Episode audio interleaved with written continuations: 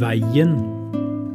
Og når jeg har gått og gjort i stand et sted for dere, vil jeg komme tilbake og ta dere til meg, så dere skal være der jeg er, og dit jeg går, vet dere veien.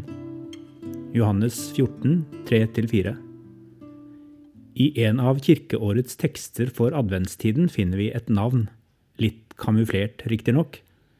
Dit jeg går, vet dere veien, sa Jesus.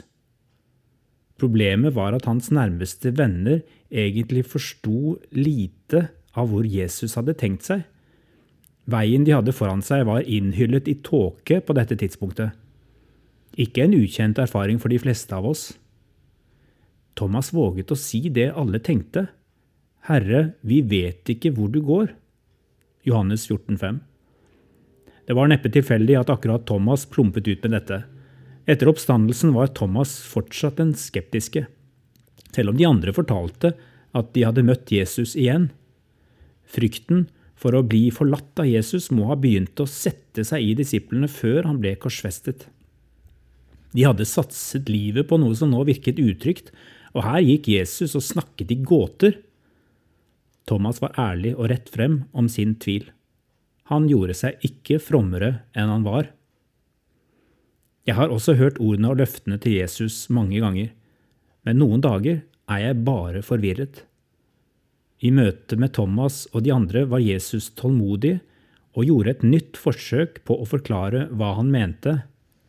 Jeg er veien. Jeg tror Jesus ønsket å flytte vennenes blikk. Dere behøver ikke å vite alt om morgendagen og veien dere har foran dere, så lenge dere kjenner meg. For selv om jeg blir borte for en stund, kommer jeg tilbake. Det viktigste dere kan gjøre, er å stole på meg. Lettere sagt enn gjort. Og likevel finner jeg dyp mening i dette gåtefulle navnet.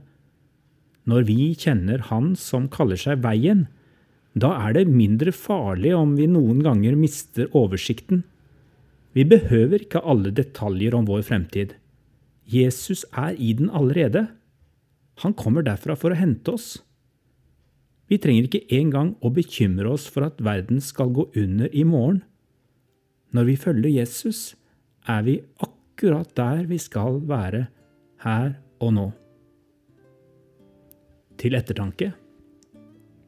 Hva gjør jeg når jeg har mistet oversikten og ikke finner veien videre?